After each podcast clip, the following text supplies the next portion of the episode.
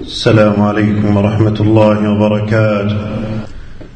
إن الحمد لله نحمده ونستعينه ونستغفره ونعوذ بالله من شرور أنفسنا وسيئات أعمالنا. من يهده الله فلا مضل له ومن يضلل فلا هادي له. وأشهد أن لا إله إلا الله وحده لا شريك له. وأشهد أن محمدا عبده ورسوله أما بعد. عباد الله خلق الله الخلق لعبادته وأمرهم بما فيه صلاحهم ونهاهم عما فيه هلاكهم وفسادهم ووعد الطائعين منهم بجنات النعيم. ومن يطع الله ورسوله يدخله جنات تجري من تحتها الأنهار خالدين فيها وذلك الفوز العظيم. وتوعد من عصاه بالعقوبة ومن يعص الله ورسوله ويتعد حدوده يدخله نارا خالدا فيها وله عذاب مهين.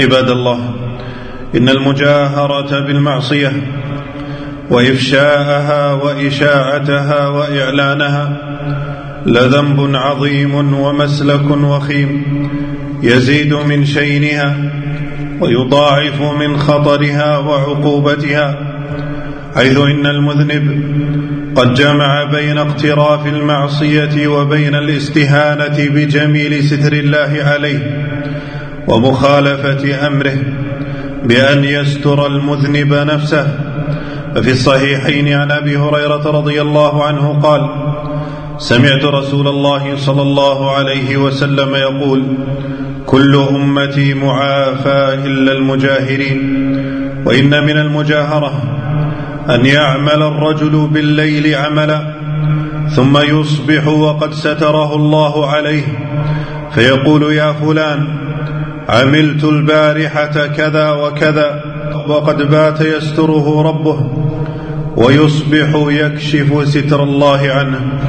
وعن ابن عمر رضي الله عنهما أن رسول الله صلى الله عليه وسلم قال اجتنبوا هذه القاذورات التي نهى الله عز وجل عنها فمن ألم فليستتر بستر الله عز وجل.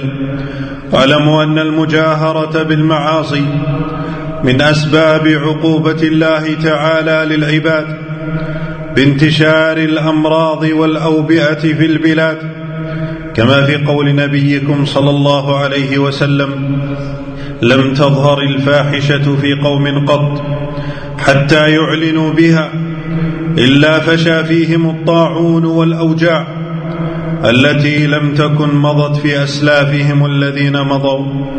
ومما يزيد من شناعة هذه الخطيئة أن المجاهر بالذنب وفي الحقيقة من الداعين إليها بفعله فيتحمل بسوء فعلته إثم من تابعه وعمل بعمله.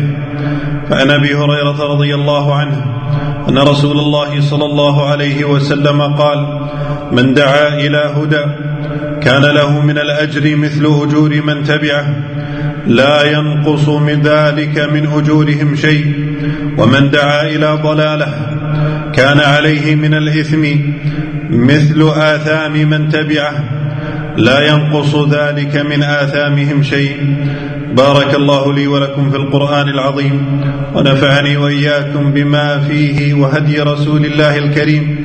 وأستغفر الله العظيم لي ولكم من كل ذنب فاستغفروه إنه هو الغفور الرحيم.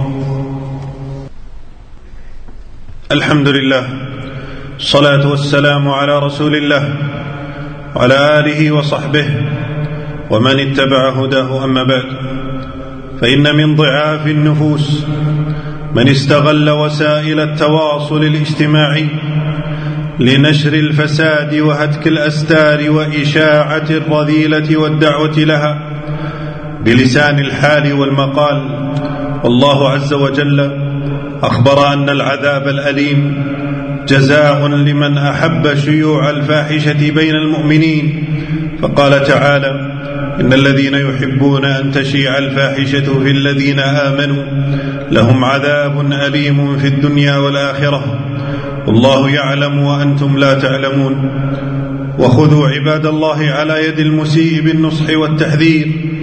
والتوجيه والنكير فإن الله ذم بني إسرائيل بعدم إنكار المنكرات فقال سبحانه لعن الذين كفروا من بني إسرائيل على لسان داود وعيسى بن مريم ذلك بما عصوا وكانوا يعتدون كانوا لا يتناهون عن منكر فعلوه لبئس ما كانوا يفعلون بل إن ذلك من أسباب نزول العذاب على الجميع.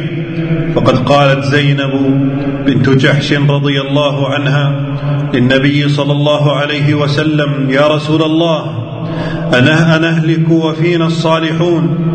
قال نعم إذا كثر الخبث والخبث الفسوق والمعاصي وعن عبد الله بن مسعود رضي الله عنه عن النبي صلى الله عليه وسلم قال ما ظهر في قوم الربا والزنا إلا أحلوا بأنفسهم عقاب الله عز وجل. وقال عمر بن عبد العزيز رحمه الله تعالى كان يقال إن الله تبارك وتعالى لا يعذب العامة بذنب الخاصة ولكن إذا عمل المنكر جهارا استحقوا العقوبة كلهم. اللهم إنا نسألك العفو والعافية في الدنيا والآخرة. ربنا اغفر لنا ولوالدينا. ربنا اغفر لنا ولوالدينا. اللهم اغفر للمؤمنين والمؤمنات والمسلمين والمسلمات الأحياء منهم والأموات. ربنا آتنا في الدنيا حسنة وفي الآخرة حسنة. وقنا عذاب النار. صلى الله وسلم وبارك على نبينا محمد.